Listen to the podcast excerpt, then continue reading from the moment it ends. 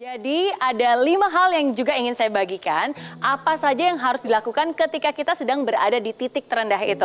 Oke, nah lima hal ini bisa kita praktekkan bersama-sama.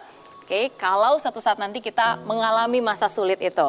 Oke, nah jadi yang paling penting adalah kita harus take action. Nah, jadi kalau tadi di awal saya bilang menyendiri, hibernasi itu temporary ya. Sifatnya hanya sementara, hanya beberapa saat aja. Begitu kita sudah pulih, lebih tenang, kita harus segera take action. Nah, action seperti apa? Ada lima hal. Yang pertama itu adalah, oke, kita harus terima kenyataan. Oke, jadi masa-masa sulit itu, keterpurukan, kejatuhan itu harus kita terima dengan lapang dada, dengan terbuka. Karena selama kita masih denial, selama kita masih menolak, selama kita masih merasa ah ini kayak nggak mungkin, ini tidak terjadi, nggak akan mungkin ada solusi. Tapi ketika kita menerima, kita mulai mencari cara. Oke, nah itu hal yang kedua. Hal yang kedua adalah kita cari bantuan. Oke, cari bantuan, cari cara selalu ada cara untuk setiap masalah.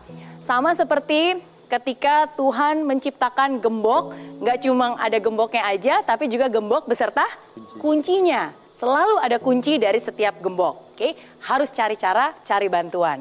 Oke. Yang ketiga, yang ketiga kita juga harus um, fokus. Nah, fokusnya ke mana? Fokusnya ke masa depan. Jangan fokus ke masalah keadaan yang sekarang, tapi kita fokus dan lihat ke depan. Oke, apa yang ingin kita capai? Mimpi kita seperti apa? Idealnya apa yang akan kita bangun? Oke, jadi fokus ke masa depan. Karena saya juga percaya selama kita masih punya harapan, di situlah kita masih punya masa depan. Dan harapan itu akan membangkitkan kita dan memberikan kita energi untuk keluar dari titik terendah itu. Oke, hal yang keempat adalah kita juga harus uh, lakukan perubahan. Oke. Okay? Jadi perubahan perubahan. Oke, jadi langkah nyata, tindakan nyata yang menuju perubahan. Oke, ada sesuatu yang mungkin harus kita rubah. Pikiran kita, cara bekerja kita, sifat kita, habit kita, oke, cara kita melihat hidup ini ya harus dirubah untuk yang lebih baik lagi. Dan yang terakhir adalah inilah waktunya untuk kita bisa dekatkan dekatkan. Kira-kira dekatkan diri dengan siapa? Dengan yang di atas yaitu dengan Tuhan. Oke.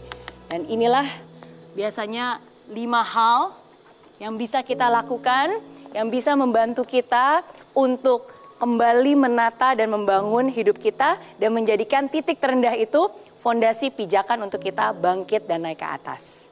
Oke? Okay?